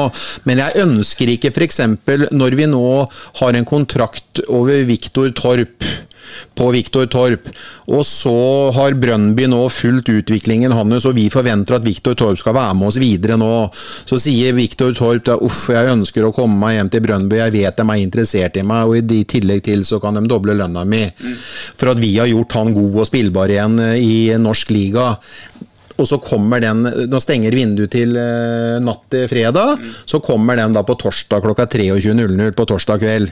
Uffa meg, da blir jeg jo lei meg! Men samtidig For at vi skal være en, ja, Hvis det hadde vært en sann historie du nå skisserer det er så- det jeg mener at Ja, ja. ikke vi skal fortsette å Ja, gjøre, da. For at ja, det kommer jo eksempler på Ja, sanne historier. Ja, ja. Prøv å forstå meg litt, grann, da, gutter. Ikke bare går imot meg. men, men, men tenker du liksom hvis vi, hvis vi tenker som deg, da, at vi ikke skulle gjort det med Soltvedt, men samtidig så henter vi kanskje en, en potensielt bedre back, så skal vi sette Soltvedt på benken og tape penger? Altså, jeg, jeg, forstår ikke helt Anders jeg- jeg Him, Anders Him kom som et resultat av at Soltvedt ble solgt, da. Ja, Ja. ja, og du sier jo at han antageligvis er et eple som veier tyngre enn Jeg andre sa til og med til dere Ja på WhatsAppen på torsdag Ja, ja. kveld at det var en det var, Han sammenligna med akkurat som Sigmund Andersson sammenligna Meister med, med Carew, så sammenligna jeg han faktisk med Gramless òg. Ja, og jeg lytta jo på deg, Bingen. Ja. Ja, men det er en bra Ja, ja. diskusjon, Ja, og, ja. jeg, og jeg, tror vi, jeg tror vi er inne på noe som veldig veldig mange er opptatt av. Akkurat det Bingen sier. Det, Det er helt sant, og jeg avslutte med det at jeg, jeg er helt enig med Vingen i forhold til snillisme hvis det ikke ligger noe i Ja. andre enden. Ja. Hvis man vet at du på en måte ikke plutselig, du plutselig står uten en venstrebekk som Mm. ikke holder kvalitet, så må man tenke litt. Men jeg tror kanskje at det lå mer ting bak her som gjorde at det var litt enklere å bruke snillismen i det. Ja da, og så er han jo derifra, kommer fra byen, men det må ikke være å. Nei da, jeg forstår. det må ikke fortsette sånn. Ja, Så er det jo en ting til, Øystein, og og det er jo det viktigste av alt. Altså, det de driver med her, er business i tillegg, ikke sant? For at det skal være mulig å drive et eliteserielag i Sarpsborg i mange mange år framover. Ja, det er et veldig, veldig Viktig. Ja, veldig viktig poeng. Og vi, vi, Bing, eller Sven fikk jo av seg litt her tidlig på den hvis han nevnte et salg. Ja.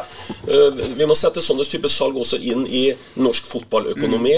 Der får vi altså inn to årsbudsjetter på marked, Ja. Kreti og Pleti. Enorme summer. Jeg vet ikke hva det kunne vært sammenligna med hvis du hadde målt mot Premier League, men det ville vært som å fått en milliard kanskje, for en spiller. Så i norsk økonomi så ga det oss et handlingsrom som vi nå ser resultatet Ja, og salgssummen er betydelig høyere enn f.eks. Aker Adam som har gått eh, fra Lillestad. For eksempel. For eksempel. Vi skal ta ett case til, og det, nå skal vi synse. For vi, her vet, kan vi ingenting. For det har vi ikke gjort så langt. det er det vi lever av, det der sagt. Han heter Bjørn Inge Utvik og er eh, Sarpsborgs kanskje viktigste fotballspiller. Og sånn summa summarum, både på og utenfor banen. Han skriver han har utgående kontrakt. Han skriver ikke under på noe ny. Og ukene går, og fansen lurer på hva skjer. Eh, uke én av dette er vinduet, og så kommer det da et nytt overgangsvindu i vinter. Eh, 1. januar er da uttrykk som det ser ut nå, uten, eh, uten klubb. Altså, I hvert fall ikke i Sarpsborg 8. Men igjen, hvor lenge kan man tåle å ha en lagkaptein eh, på utgående kontrakt som ikke forteller eh, hvor han skal være neste år? Uh, nå kommer jeg sikkert til å få så flisende fyker av Veberg igjen, for at det er fire til som ikke har signert kontrakt, og da må du gjøre, alt, må gjøre likt med alle. Men den føljetongen her sånn, den har gått nå ganske lenge. Så Og jeg er veldig glad i Utvik, men for meg så teller da klubben mest.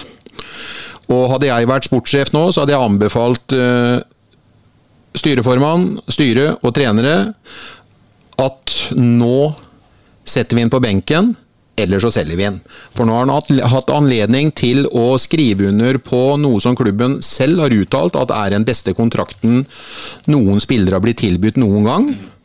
Og hvis du da hele tiden drar den strikken så langt, så ryker den strikken og smeller til deg midt i trynet en vakker dag. Og jeg føler at for mitt vedkommende nå, så er den strikken i ferd med å ryke. Så jeg eh, hadde gått for et salg i løpet av intensivert et salg i løpet av et par dager. Åpenbart en spiller som ikke vil være her, for da hadde han skrevet under. Da hadde, han, eh, gjort det, eller så må han forklare oss eh, i eh, et intervju i SA-podden om hvorfor ikke han skriver under, og hvorfor han venter med å skrive under. Og nå er for meg på en måte tålmodigheten litt, eh, litt, litt, litt eh, godt, da. Før eh, den runden som går nå i søndag kveld, så er det fire poeng fra Sarpsborg 8 opp til eh, fjerdeplassen, som gir kvalik til eh, Conference League. Eh, setter man eh, uttrykk på tribunen, så, så svekkes åpenbart laget. Kan man gjøre ting som Bingen sier her, eh, i en situasjon der man faktisk har eh, en, en europamulighet et stykke fram der? Du kan jo gjøre det, men om, du, om det er lurt å gjøre det, det er jo en helt annen diskusjon. Og dette her går også noen å mene både det ene og det andre om. Skal vi sikte oss den retningen du snakker om nå? Og nå, nå går det an å tenke litt oppover tabellen. Eh, Vi satt forresten akkurat i det studioet her for nøyaktig 52 uker siden, etter at vi hadde tapt eh, en tapsrekke, og da var det Molde vi hadde møtt og blitt, eh, blitt mildt sagt eh, tråkka på hardt på Røkkeløkka. Da sto vi foran en høst hvor vi lurte på om dette faktisk kunne være mulig å berge. Nå er ikke det noen diskusjon lenger. Vi, vi, det går fint i år. Nå går det an å begynne å titte litt oppover. Det er ikke noe tvil om at Utvik er en nøkkel i forhold til det, men jeg ser det Bingen sier. At det er nok litt energilekkasje også i en gruppe hvor, hvor dette blir et tema som bare går og går og går. Og samtidig så kjenner helt sikkert også alle nå til at eh, klubben har strekt seg og strekt seg og strekt seg. Med andre ord, for å bruke rene ord, tilbudt eh, Utvik en lønn som er mye bedre enn de andre som han møter på jobb hver eneste dag, men han vil ikke. Så det er et, det er et dilemma. Men tenker en kun sport, så setter vi jo ikke han på benken. Ja. Er det noe som vi i media skaper dette her, Sven? Eller er det som Øystein sier, at, det en, eh, at den situasjonen til uttrykk fører til en energilekkasje i gruppa og på stadion? Det kan han selvfølgelig gjøre. Eh, Jeg syns at Utvik hadde en liten periode hvor han ikke var helt på òg. Han er eh, han gjør en kjempejobb. Han er kanskje ikke like Han er ikke like outstanding nå for tida heller. Det er ikke han som bestandig rydder opp. Det er, det er mange flere nå som har tatt tak. da Eh, Jeg forstår veldig godt hva Bingen mener. Eh, Sport, økonomi eh, Hva sier supporterne f.eks. om det? At dere er de enige med Bingen at eh, Vet du hva, vi spiller ikke med det beste laget. Vi får straffe han på den måten og få han ut. Det, det er så mye som spiller inn her. Men jeg, til syvende og sist så tror vel jeg i den situasjonen vi er nå, da, at resultatene teller mest. Eh, Vi må stille med det beste laget. Blant annet, tenk om vi bare skulle være heldige og komme på fjerdeplassen. da. Komme, vi husker jo selv om det er Conference League. Det er jo penger som fyr der òg, ikke sant? Det er så mye hensyn å ta. Og jeg skal være bånn glad for at jeg ikke sitter bak det bordet og skal ta de avgjørelsene. Og så diskuterer vi en ligning med et par ukjente faktorer her. F.eks. den enkle faktoren hva fins på tilbudssida her i forhold til du sier, Robingen. Eh, Hadde vært deg, så hadde du kanskje inten, eh, intensivert et salg da, i løpet av dette vinduet denne uka som kommer. Men det krever jo på en måte at det er noe der. Jeg vet ikke, ikke sant? Jeg vet ikke hva som eventuelt Det er jo grunn til å tro at det er noe der. jo, summer, da. ikke sant? Altså, for, for det, det blir også interessant, da. For det er klart at det, det kan godt hende, hvis de f.eks. kunne realisert ikke mange millioner, men noen få millioner i et salg, lokka dette caset nå, solgt, fått noen penger inn, og så var det ferdig, kan godt hende det også hadde vært en, eh, vært en klok beslutning. Men det krever jo som sagt da, at vi kjenner noe til hva som ligger på tilbudet. Jo da, men, men, men da, da skal jeg eh, Alle vi vet jo det, hvordan, eh, hvordan det fungerer. altså Med agenter og agenter sitt marked og sportssjefer og daglige ledere om dagen nå, så kan det være for alt vi vet at han er, eh, han er solgt i kveld. Han Hvis at dem får beskjed om å trykke på knappene. Og Utvik har fått muligheten til å skrive under på den beste kontrakten som noen gang noen spiller har signert på i, i 08. Og når den føljetongen har gått over så lang tid som den har gjort nå, så er det jo et spørsmål når den strikken eh, treffer deg i ansiktet igjen. altså. Og det er også et, eh, et moment til er at eh, norske midtstoppere er superettertrakta om dagen. Det fins nesten ikke alternativer. Så her kan det være noen av de store norske klubbene som også er på banen selv om utvikleren har sagt han helt vil i utlandet. Ja da, det, det kan det være. Og så er det jo viktig igjen da å minne om at i det store bildet så har vi noen case altså, som vi må, må diskutere nå. Jeg vil gjerne resignere Vik nå, jeg. Ja. Så, ikke sant? Og så, og, og så kan vi drømme om å kanskje resignere en Pascal. Kanskje det er urealistisk, jeg vet ikke. Det er åpenbart en spiller som er i grenseland for stor for Eliteserien, kanskje. Og, og jeg minner igjennom også at halve elveren som vi starta med i går, den har ikke Ja, for når vi snakka om at du gi den mannen en langtidskontrakt på det beste vi kan gi, så har tingen utvikla seg litt i gærne retning spillemessig for Utvik i forhold til altså hvor stort skille Hvis vi sitter og ser nø nøytralt på kampene, f.eks. Ta de to siste kampene. Hvis vi sitter og ser på skillet på påvirkningen på resultater, både på Hvis vi sammenligner Vikne, Utvik, Lundqvist, Utvik Altså, Er det en sånn autoritet som bare går over alle andre, eller begynner det å jevne seg ganske likt ut hvem som er eh, klassespiller og ikke er nå? Det er mange sjefer Ja, det er, vi, har, vi har mange klassespillere Ja. nå, Bingen. Jeg er helt enig med deg. Ja. Og det verste er at i løpet av eh, bare uker så har vi fått enda flere klassespillere. Ja. Jeg tror også det de har drevet med i sommer, er jo litt å, å forberede det vi snakker om. At du Ja. kan risikere at halve elveren er borte. Ja. For de henter jo inn noen folk som det er langtidsprosjekter her. Som Ja da, være ja, lenge. ja. Bortsett fra Og- så er jo alle har skrevet lange kontrakter. Ja da, og vi kan jo også si at en vi ikke har snakka i hele tatt om, som noen kan gå inn på en YouTube-video og se på, det er han Kjelsås-spilleren som kommer til året, Ja. som vi lånte tilbake. Ja. Så de har åpenbart nå tenkt to tanker. Det er å forynge, Mm. få inn mer tempo i dette og bygge for framtida. Og jeg, jeg tror, som Bingen har sagt mange ganger i poden her, Bjørge er på jobb, han, vet du. ja, det, han er det. Og I sommer så har altså Sandberg, Melster, Casas, Seknini, Him og da Viktor Emanuel Halvorsen, som du nevner, Skjelsås-gutt, som kommer eh, ved årsskiftet, pluss Kjetil Haug kommet inn. Og det er jo, som jeg sier, folk som du kan bruke eh, i framtida. Dere skal få et eh, konkret spørsmål.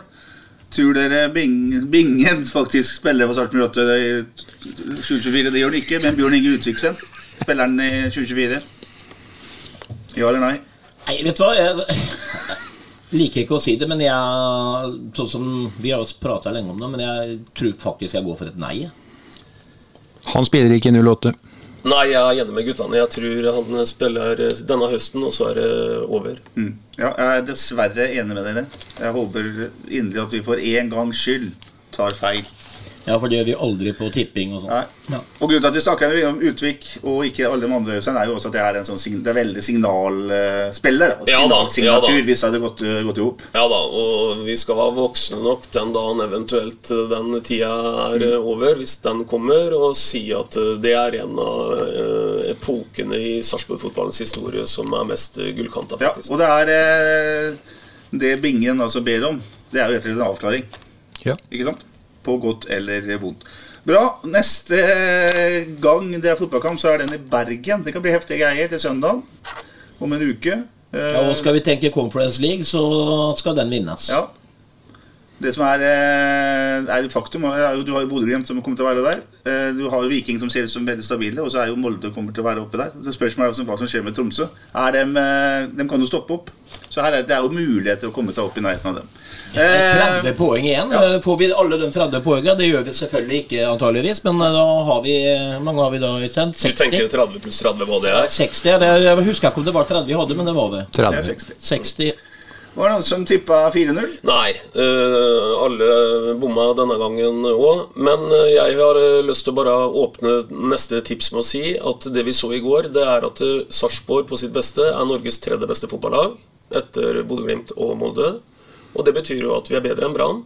Så hvis vi leverer sånn som vi har gjort nå, og det tror jeg det er lov å håpe på, så tar vi en relativt sjelden seier i, i Bergen, og vi vinner 1-2. Og Brann de skal eh, ha en eh, tøff retur i Europa oppi dette her, og mye europatanker. Eh, Jeg sa, Hva sa du? 1-2. 1-2. Eh, jeg kan ikke holde Vi holder ikke nullen der, vet du. Eh, 2-3! 2-3. Jeg tror eh, at kløkta og intuisjonen til Billborn og Bjørklund fortsetter, og at de har et påvirkning eh, som virkelig monner i Bergen neste søndag, og vi vinner 0-3 fordi at Brann surrer veldig med huene sine i det Europa-eventyret de Dem er med på nå. også, er at de ut i ekstraomganger Ja. mot Alkmaar. Ja, så vi vinner 3-0 der oppe. Vi kommer til å se To sjølmål av Soltvedt, eller? Vi kommer til å se laget i full blomst, og det er ikke en spiller, og vinduet er stengt, og Meister eh, kommer til å rule på Brann stadion. Jeg var jo nærmest eh, tipset nå, for jeg tippa at det ble fire mål i kampen. Jeg, hadde 1-3. Ja, men jeg tippa 2-2. Det er fire skåringer. Ja. Og 1-3, er- ja, det var jo Ja, du, da. Øystein var nærmest. Men jeg har jo, som dere vet, eh, litt peiling, så jeg, eh, og så har jeg litt, er jeg litt realist. Så det blir 2-2 på Brann stadion til, til søndag. Det her har vært en lang og innholdsrik pod. Vi nærmer oss 1 time og 25 minutter. Dere lyttere som fortsatt er våkne, kan jo Vi får håpe de har hatt et ålreit eh, Nei, men jeg bare sier, den podden her må lyttes på. Her kan dere ikke legge på etter en halvtime, den her må dere kjøre igjennom. Det her kommer til å bli veldig bra. Jo, er for det her kommer til å. Ja, men det er slutten av Den podden du i bingen. denne podden må lyttes til. Ja, og så er det et poeng til. Jeg har sagt det uh, mange ganger, Petter, at vi må lage en pod som omtrent er som en togtur fra Sarpsborg til Oslo. Denne er jo en overkant. Så er det to- Ja, nå er vi lenger enn til Oslo. Men jeg snakka med Stein Petter Eidal i går. Han hører naturligvis alltid på Ja, ja. podden. Han jobber jo i Halden. Så han, eh, han tar halve podden til Halden og halve podden hjem. Men nå har vi laga tre etapper for deg, Stein Petter. Så nå har du til jobb, hjem og faktisk til jobb dagen etter der. Og kjøre om Svinesund. Eidar var jo på et tidspunkt øh, kanskje byens eneste eliteseriespiller. Ja, vi skal huske på én ting. Der jeg har gitt eh, Stein Petter Eidal for ros eh, mange ganger. Han blir eliteseriespiller i en ikke-eliteserieby i nærheten da han gjør det. Så, så det er ekstra sterkt, det han gjør på sin tid. For da lå liksom eh, Ja. Nivået lå der som Sven og, og Bingen var. Og noen stakk seg ut, ikke veldig mange. Og det er godt gjort, det. Stein Petter Eidar fra Borgen spilte for Skeid. Bra. Vi sier at dette var eh, siste ord. Takk for laget, Øystein Weberg, Sven. Nygaard og en Bingen som har eh, levert i da Bingen. Du har, du har nesten jeg mistenker at til å være litt forberedt òg. Det bra. Du har lest på Takk, takk, takk. Sola skinner, Sarpsborg vinner. Du bingen, du bingen, du får det til. Skal vi avslutte med sak? Nei da, da. Nei. Det er bra nå. Jeg Ja. Prekes. Ja, vi Vi prekes. Vi prekes. SA-podden presenteres av Fleksi. Regnskap med et smil. Ukens annonsør er HelloFresh. Er verdens ledende matkasseleverandør og kan være redningen i en travel hverdag. Mange av oss har nok vandret i butikken både sultne og uten en plan for middagen, som ender med at vi går for de samme kjedelige rettene gang på gang. Middag burde være dagens høydepunkt. Som HelloFresh kan du nå velge mellom 25 ulike retter hver eneste uke, eller få HelloFresh til å sette sammen menyen for deg. Dette gir deg muligheten til å prøve nye og spennende retter alene eller sammen med familien. Du velger antall porsjoner og får alt levert på døren på et tidspunkt som passer for deg. Oppskriftene er enkle, og maten er lett å lage både for store og for små. Ved å få alt levert hjem får du også mer tid til å dele matgleden med familie og venner. Kanskje det frister med asiatiske tacos eller greskinspirert kylling? Da kan jeg anbefale deg om å gå inn på hellofresh.no. Her kan du bruke koden FOTBALL og få opptil 1779 kroner i rabatt på de første fem matkastene hvis du ikke har prøvd Hello Fresh tidligere. Du kan også bruke rabatten hvis du har vært kunde og stoppet abonnementet ditt for tolv måneder siden eller lengre. Gå inn på hellofresh.no og bruk koden FOTBALL. Har du et enkeltpersonforetak eller en liten bedrift? Da er du sikkert lei av å høre meg snakke om hvor enkelt det er med kvitteringer og bilag i fiken, så vi eh, gir oss her, vi. Fordi vi liker enkelt. Fiken superenkelt regnskap.